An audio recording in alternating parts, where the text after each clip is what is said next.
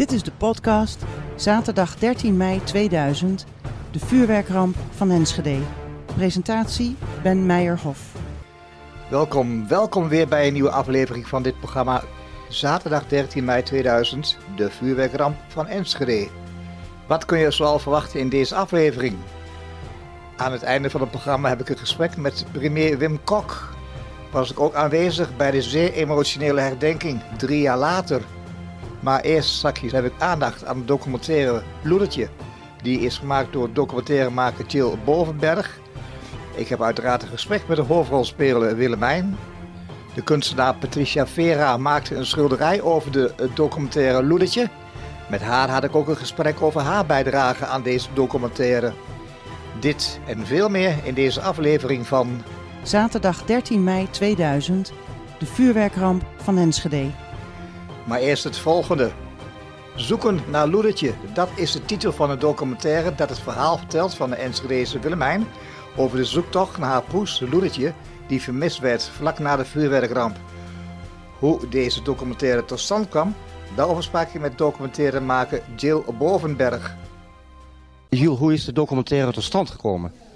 Uh, hij is tot stand gekomen eigenlijk uh, op initiatief van het uh, Festival en het uh, ITVA, Documentaire Festival in Amsterdam.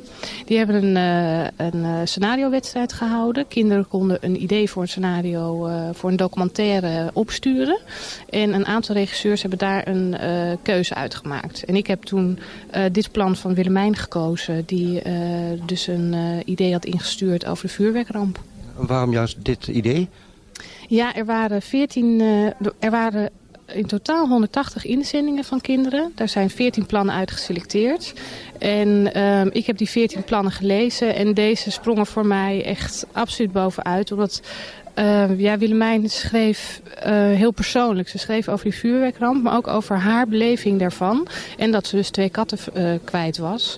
En juist dat persoonlijke aspect erin. Dat, daarvan dacht ik van, die moet ik hebben. Dat meisje moet ik, uh, dat meisje, daar wil ik een film over maken. En hoe ga je dan verder te werk? Ja, toen heb ik een, uh, een paar heel erg intensieve gesprekken gehad met uh, Willemijn. Ik heb uh, flink veel research gedaan. Ik ben het rampgebied in geweest. Um, en verder een beetje met Willemijn bedacht van ja, wat zullen we gaan filmen dan? En um, toen ben ik op basis van haar idee een scenario gaan schrijven voor deze film. En heb toen ook de draai eraan gegeven om Loedertje te gaan zoeken. Want ze, ze had dus de indruk van nou, Loedertje leeft volgens mij nog. En ik heb toen gezegd van nou ja, wil je hem dan niet in de film gaan zoeken? Dan hebben we gewoon een hele mooie leidraad voor de film. Hoe was het werken met Willemijn? Ontzettend leuk. Ik uh, vind het heel erg spannend en uh, uitdagend om met uh, kinderen te werken. En ja, het is natuurlijk een lekkere puber. Dus en dat vind ik, ja, daar hou ik heel erg van. Ik hou erg van, van dat, ja, dat, dat, lekkere, nuchtere, eerlijke, ontwapenende van pubers. Jij werkt va vaker met kinderen samen? Ja, ik werk vaak met kinderen samen. Ik doe veel jeugdtelevisie, ja. Nu wordt volgende week uh, de 25e wordt je uitgezonden. Ben je trots erop? Ik ben er heel erg trots op. En helemaal nu we vanmiddag uh, de film is vertoond in Concordia en op zo'n groot scherm... dan uh, heb ik niet alleen de kriebels van de zenuwen, maar ook van, van ja, ontroering nog steeds. Ja. Terwijl je wel bekend was met de inhoud van het documentaire. Ja, maar toch, het heeft zo'n impact, het verhaal en dan de, de muziek erbij. En ik heb nu ook wat meer afstand, want hij is dan een tijdje af. En dan ineens kan ik nu een beetje als, als kijker kijken in plaats van als maker. En dat, is, uh, dat bevalt me erg goed. Nu heb je ook beelden gebruikt van de ramp zelf. Uh, beelden die zelfs ik nog niet uh, eerder gezien had. Um, hoe, hoe heb je hier tot, uh, toe besloten om dit te gaan doen? Om de beelden te gebruiken bedoel je? Nou, het zijn uh, dus de bekende beelden van Danny de Vries. Alleen als je even het bandje doorspoelt van Danny... dan kom je dus uh, bij dat, ja, dat hele schokkerige uh, beeld terecht... dat hij net, is net echt een grote knal achter de rug. En dan loopt hij in paniek weg de Merelstraat in. En dan heeft hij dus contact met, ja, volgens mij is het de radio... Of TVO's, dat is onduidelijk. En uh, ja, dan doet hij dus een live verslag eigenlijk. Terwijl zijn camera al helemaal aan gort is. Die is gewoon uh, kapot. Ja, je bent tevreden met het resultaat van de film. Maar had je ook verwacht dat het zo in elkaar zou zitten? Was dat ook de bedoeling? Nou, ik moet zeggen, hij lijkt erg op, het, uh, op wat ik in het scenario heb geschreven. Dus in die zin um, heb ik een goede voorspelling gedaan. Want bij een documentaire scenario is het natuurlijk altijd maar gissen naar wat eruit komt. Want het zijn geen acteurs, dus je kan het niet helemaal plannen. Maar je kan het wel een bepaalde richting insturen. En uh, die richting is het wel uh, nagekomen. Ja. En hoe reageerde Willemijn toen ze de voor de eerste keer de film zag? Nou, toen ze de eerste keer zag, heeft ze haar handen voor, voor de ogen gedaan. En alleen maar zitten gillen. Van nee, nee, oh, verschrikkelijk, verschrikkelijk. En toen de tweede keer deed ze de handen een beetje van de ogen. En toen begon ze het wel leuk te vinden. Je hoorde Jill Bovenberg over het tot stand komen van haar documentaire. De hoofdrolspeelster van deze documentaire, dat is Willemijn. En met Willemijn had ik ook een gesprek, want ik wilde graag weten hoe zij ertoe kwam om haar verhaal in te zenden bij de VPRO. En waarom er een documentaire over gemaakt is. Willemijn, hoe ben je ertoe gekomen om je verhaal in te sturen? Door een advertentie in de VPRO-gids. En het leek me leuk om daarop te reageren. En waarom het verhaal over Loedertje? Dat heeft Jul bedacht. Het uh, was niet echt mijn idee, maar ja, zij vond het wel leuk om, om het over Loedertje te doen. En dat vond ik ook heel erg leuk, want dan kon ik mijn kat zoeken. Hoe zijn de opnames verlopen allemaal? Ja, heel erg leuk. Ja. Hoe heb je dit zelf ervaren om uh, de hoofdrol te spelen in zo'n documentaire? Leuk. Ja, gewoon heel erg leuk. Ik weet niet, gewoon ook wel vreemd of zo, maar gewoon heel erg leuk. Je bent de afgelopen maanden dat je gefilmd hebt, uh, twee maanden lang op zoek geweest naar Loedertje. Um, wat verwacht je eigenlijk? Nee, ik had niet echt een idee in mijn hoofd, maar het is heel erg leuk geworden. Ik had, ik had dit niet verwacht. Ik had iets, ja, ik had heel anders. Ik had niks eigenlijk verwacht, maar ik vind hem leuk geworden. Nu was vraag hier in Concordia de première van de documentaire. Uh, hoe uh, kijk je er zelf tegenaan? Mm. Hoe heb je het zelf ervaren? Ja, heel erg leuk. Gewoon wel raar dat je op zo'n uh, groot scherm jezelf toch terug ziet, maar... Het Schrok je niet? Nee hoor. Ik had hem heel, heel vaak gezien. Een heel bescheiden hoofdrol spelen uit de documentaire Zoeken naar Loedertje. Willemijn was dit. Ook spraken met Liske, een vriendin van Willemijn. Mag ik vragen hoe jij heet? Uh, Liske. Ben jij een vriendin van Willemijn? Ja. Heb jij meegemaakt dat ze de opnames gemaakt heeft? Uh, nee, daar was ik niet bij. Hoe vond je het dat zij de hoofdrol speelde in de documentaire? Heel leuk, ja. ja, heel leuk. Uh, nu was je hier vanmiddag ook bij de première van, uh, van Loedertje. Mm -hmm. hoe heb je het allemaal ervaren? Ja, ik, ik, vond het gewoon heel erg leuk dat zij erin speelde. Ja, een hele mooie film en zo. Ga je volgende week dinsdag ook kijken? Ja, denk ik wel. Ja, iets waar vriendinnen heel goed in zijn. Giechelen en lachen. Je hoorde Liske, een vriendin van Willemijn. Tot slot een gesprek met kunstenaar Patricia Vera. Zij maakte voor de documentaire Zoeken naar Loedertje een schilderij. Ook aan haar vroeg ik hoe zij betrokken raakte bij deze documentaire. We hebben vanmiddag de première meegemaakt van de documentaire Loedertje. Waarin Willemijn op zoek gaat naar haar kat. Op een gegeven moment wordt in de documentaire, kom je aanzetten als uh, kunstenares met een schilderij. Hoe ben jij betrokken geraakt bij dit geheel? Ik ben een goede vriendin van de moeder van Willemijn. En ik heb het dus allemaal meegekregen met die ramp. Ik heb, woonde de tijden van de ramp zelf ook in Enschede. En uh, ja, ik wist wat voor gevoelens daarbij betrokken waren. En zo ben ik dus uh, aan het schilderij gekomen. Tot het maken van het schilderij gekomen, zeg maar. Hoe ben je op het idee gekomen? Nou, ze uh, wouden een schilderij waarin hun verdwenen katten uh, dus werden afgebeeld. Maar er was toch wel wat protest van Willemijn, omdat ze dan steeds aan die katten die weg waren herinnerd zou worden. En toen heb ik een andere oplossing bedacht. Dus om de katten die ze nog hebben te schilderen. En dan een soort van gedenkteken voor de andere verdwenen katten te maken. En zo ben ik dus tot deze oplossing gekomen om dus een veld, uh, veld vol met klaprozen hebben. En toen heb ik dus twee klaprozen ter nagedachtenis van aan de twee verloren katten in een andere kleur geschilderd. Dus je hebt uh, alle vier katten, want ze hadden twee katten die zijn verdwenen bij de ramp. En ze hebben nu weer twee nieuwe katten. Die heb je allemaal gebruikt in die schilderij. Nou, de twee uh, nieuwste katten die staan er niet op. Dat was, het schilderij was toen al klaar. Hoe ben je verder te werk gegaan eigenlijk? Nou, ik heb, ik heb gewoon een bepaalde manier van werken. Ik zet het op. Ik heb wel foto's gebruikt van de katten om ze zo natuurgetrouw mogelijk te maken. En uh, gewoon die klaprozen opgezet en dan steeds laag voor laag uh, steeds verder uh, bijgewerkt tot het uiteindelijke resultaat. nu heb je het schilderij gemaakt. Je hebt het gegeven aan Willemijn. Heeft het schilderij ook een naam? Het schilderij heet Verloren Katten. En ben je zelf tevreden met... Uh, Zeer tevreden erover, ja. ja. Ik vind het heel geslaagd. Ja. Nog even een ander... Oh, pardon. Zeker na de reacties van uh, Willemijn en haar moeder ben ik, heb ik het gevoel dat ik het goed gedaan heb. In ieder geval. We hebben vanmiddag hier de documentaire gezien. Ben je zelf tevreden ook met de inhoud en, en de uitkomst van de documentaire? Ja, ik ben zeer tevreden. Ik vond het heel aangrijpend. Want uh, op een gegeven moment kom je zelf ook in beeld. Ja, dat klopt, ja. ja. Maar ik vond het gewoon als geheel heel boeiend en aangrijpend. Ook mijn eigen aandeel natuurlijk erin, ja. Je hoorde Patricia Vera, kunstenaar, en hoe zij betrokken raakte bij de documentaire Zoeken naar Loedertje. Iets heel anders nu. De wonden zijn nog steeds niet geheeld, de trauma's zaten nog steeds heel diep. Ik neem je mee naar een zeer emotionele herdenking drie jaar later in 2003. De herdenking werd voorafgegaan door een stille tocht. Het is nu kwart voor drie en de stoet, de herdenkingstocht, die gaat nu beginnen. Vooraan loopt het gemeentebestuur met de slachtoffers van de vuurwerkramp. En de, bedoeling is dat de, route gaat beginnen op de Roomweg bij de Groos. En de bedoeling is dat de, route gaat volgen via de Tollestraat. Of via, via de Lonneke spoorlaan over de Roomweg terug. Strooisbleekweg. En bij het kindermonument wordt halt gehouden. En er wordt ook bloemen gelegd.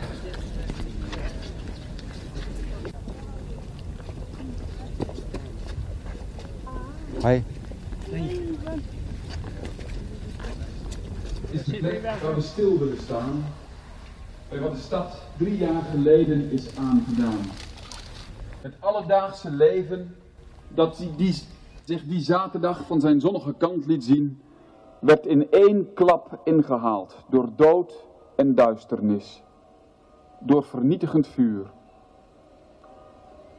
Ook na drie jaar blijft het te groot voor woorden. En ontbreken er nog zoveel antwoorden op vragen van het hoe en het waarom. Dit is de plek waar we stil willen staan om samen te delen wat te groot is voor een mens alleen. Maar ook om te vieren dat we weer een jaar verder zijn en aan toekomst hebben gebouwd. Velen met pijn in het lijf en krassen op de ziel. Maar toch weer een jaar verder. In een kring staan we stil om het kunstwerk dat kinderen aan deze stad hebben gegeven. Met in het gras een zon die zich niet laat verduisteren.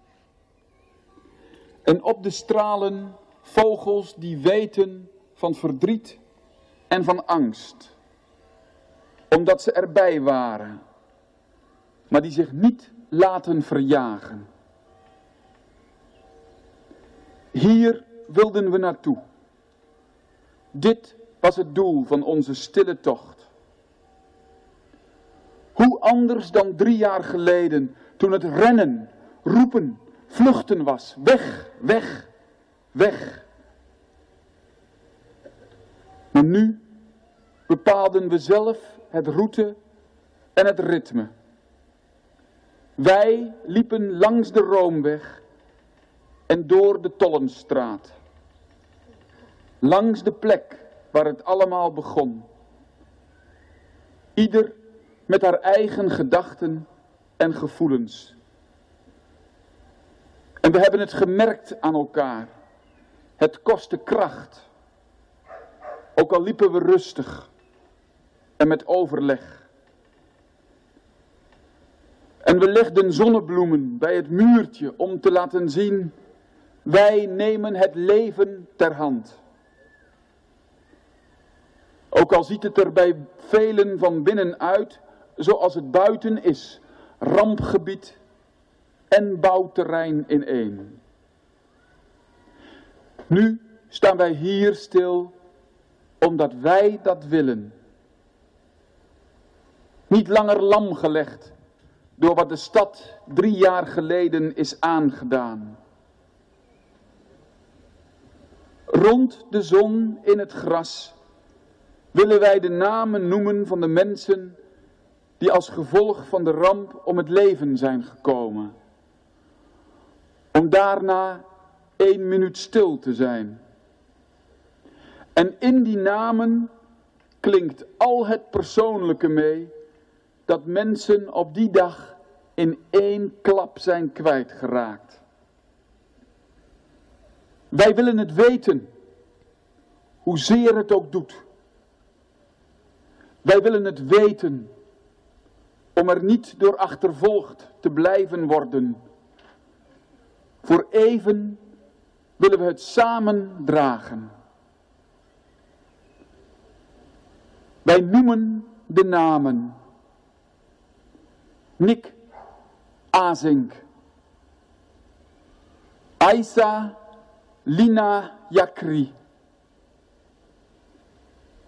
Piarelal Jan Jan. Paul Gremmen. Theo Hesselink. Hans Lodewijk. Hans van der Molen. Latifa El Moussaoui El Alaoui. Marcel van Nieuwenhoven. Wim Ophof. Gesina Johanna Maria, oude keizer ten Vergert. Gerard, oude Nijenwemen. Cynthia Ransing. Mickey Ransing. Lita Sadal. Marjolein Schreurs. Maria Bernardina Slot Langeveld. Hava Temel Karajan. Suleiman Temel. Mertkan Temel. Henk Vinke. Dina Aukje Vis Verdam. Jantje de Vries Moes.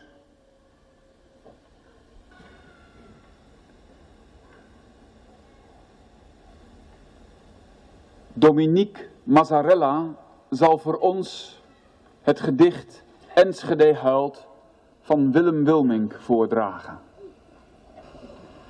Enschede huilt. Een buurt die wel veel zorgen had, maar die ook vol verhalen zat. Vol humor en gezelligheid. Die buurt zijn we voor eeuwig kwijt. Daar waar het vol van kinderen was.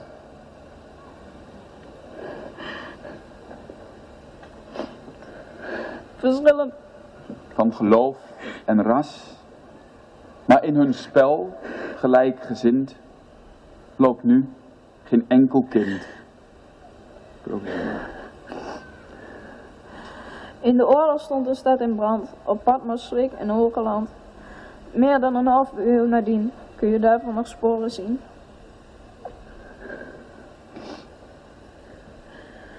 Nu is in de heerlijke maand mei bij Vogelsang zo vrij en blij de stad opnieuw iets aangedaan dat nooit en nooit voorbij zal gaan. Arm Enschede, verberg je in de armen van je koningin en huil, want daar is een reden voor en huil dan maar aan één stuk door. Dankjewel.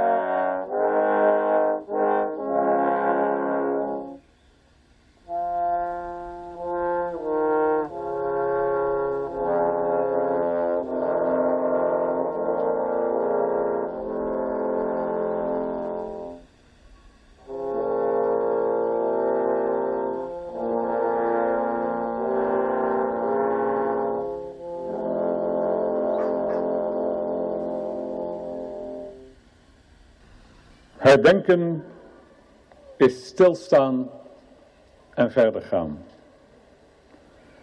Herdenken is stilstaan bij wat Enschede is aangedaan. Herdenken is ook letterlijk stilstaan. Bij het kinderkunstwerk, bij de hekken om het bouwterrein. Herdenken is verder gaan zonder te vergeten. Je hebt vandaag het verleden nodig voor de toekomst. Woorden en gedachten van de stichting die de herdenking van de vuurwerkramp dit jaar heeft georganiseerd. We zijn het zo gewend. We doen het altijd zo. Bij een herdenking gebruiken we het gesproken woord als medium, als vehikel om onze gedachten naar elkaar over te brengen, als middel om elkaar iets aan te reiken. Troost, liefde, zorg, opbeuring, perspectief. Eigenlijk hebben we hier, zoals we hier samen staan, geen woorden nodig. Eigenlijk hoeft er niet gesproken te worden. Zij die de 13e mei 2000 meegemaakt hebben, weten zonder woorden stilzwijgend wat het betekent om hier samen stil te staan. Samen te herdenken. We herdenken slachtoffers. We denken aan nabestaanden, getroffenen en hulpverleners. Je hoeft niet in woorden te praten met mij. Je hoeft niets in woorden te zeggen. Je hoeft alleen maar, en dat is genoeg, je arm om mijn schouders te leggen. Drie jaar na die verbijsterende dag staan we hier weer. Omdat we hier willen staan, omdat we elkaar nodig hebben, om te herdenken en terug te zien en om elkaar vast te houden. We staan stil en herdenken. Maar we staan hier ook om elkaar opnieuw duidelijk te maken dat we de draad weer hebben opgepakt. Je hoeft niet in woorden te praten met mij. Je hoeft niets in woorden te zeggen. En toch doen we dat. Om elkaar te vertellen over het verdriet, de pijn en het ongrijpbare. Om elkaar opnieuw te verduidelijken hoe verschrikkelijk het was en vaak nog is. Om samen terug te kunnen kijken. Maar ook om elkaar te vertellen hoe het gegaan is sinds die dag in mei 2000. Hoe we de draad weer hebben opgepakt. En hoe moeilijk dat vaak was. Hoe het wederopbouwproces verloopt. Hoe de nazorg verliep. En ook om elkaar perspectief te bieden. Stilstaan en verder gaan. Volgend jaar staan we hier weer. En dat zullen we jaar in jaar uit blijven doen. Terwijl het leven verder gaat, zal er in Enschede telkens en telkens weer stilgestaan worden bij die rampzalige 13e mei 2000. En hoewel er al die keren eigenlijk geen woorden nodig zullen zijn, is het goed dat ze gesproken worden. Want alleen in woorden kun je uitdrukken dat je vandaag het verleden nodig hebt voor de toekomst. Toen uh, in het najaar van 2001 bij de onthulling van het kinderkunstwerk werd gezongen, was dat een prachtig lied van onze stadsgenoot Willem Wilmink. We willen het graag nu, anderhalf jaar later, op deze plek nog een keer laten horen. Vriendschap, gezongen door Erkan en Iris.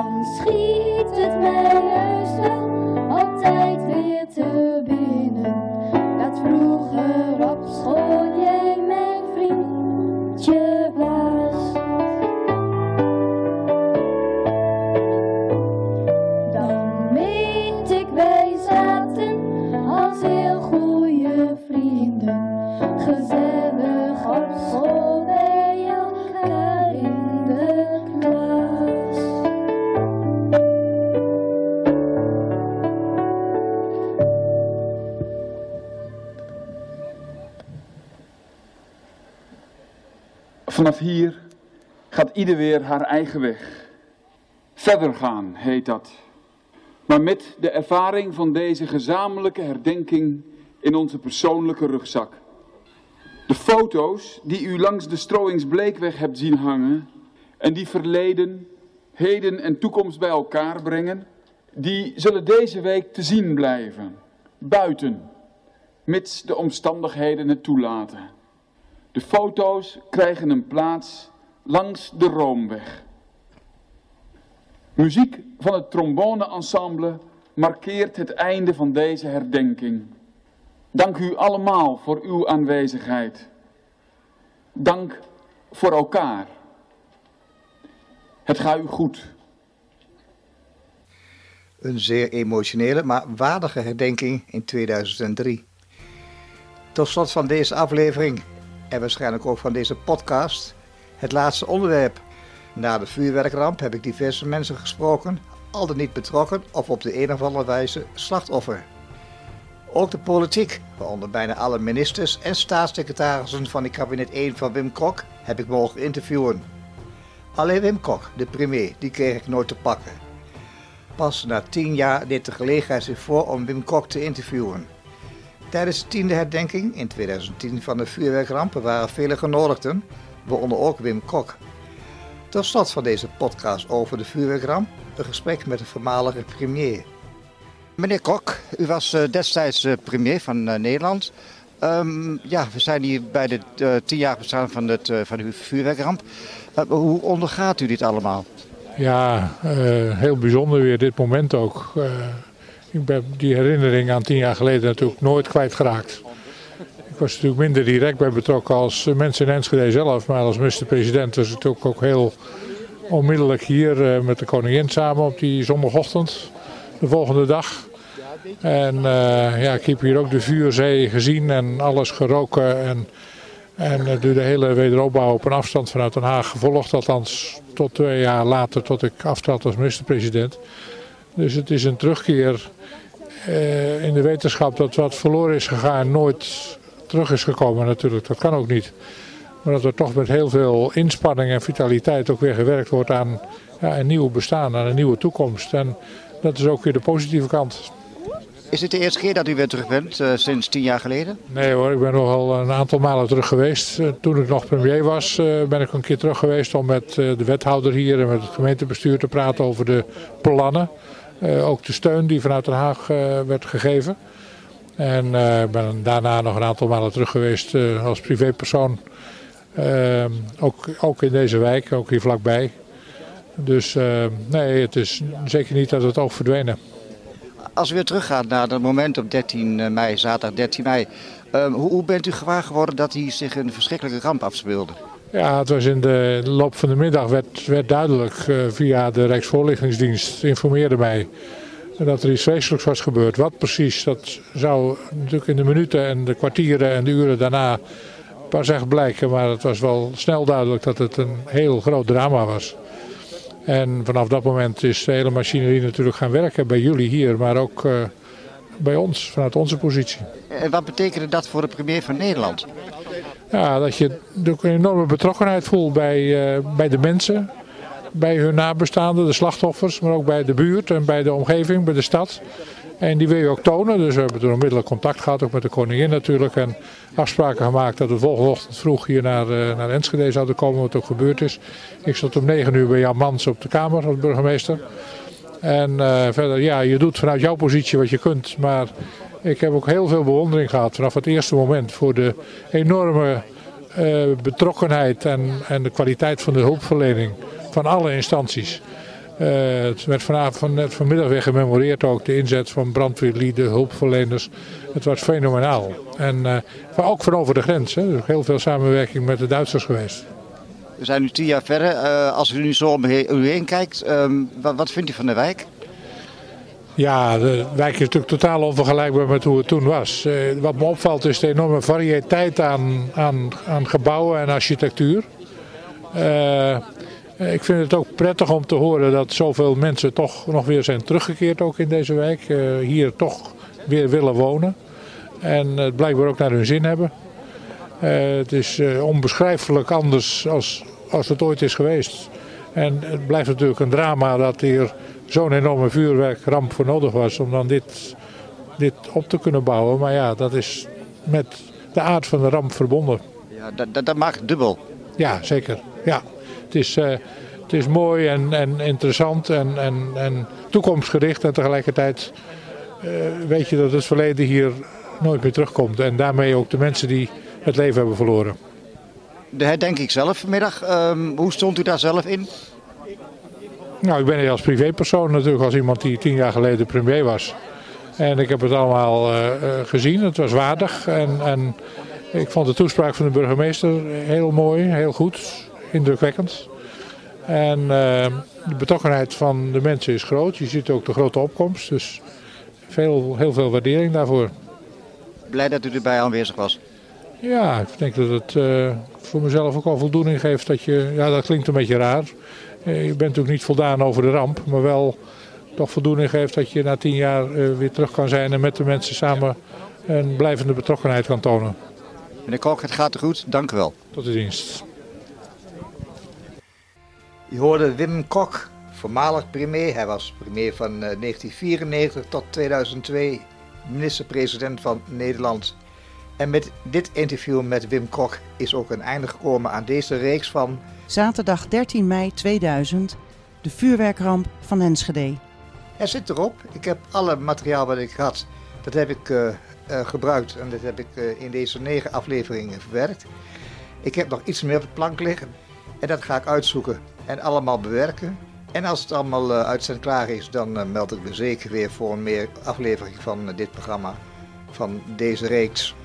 Zaterdag 13 mei 2000, de vuurwerkramp van Enschede. Dank voor het luisteren naar deze podcast. En tot slot, door het Hernega en God gewoon.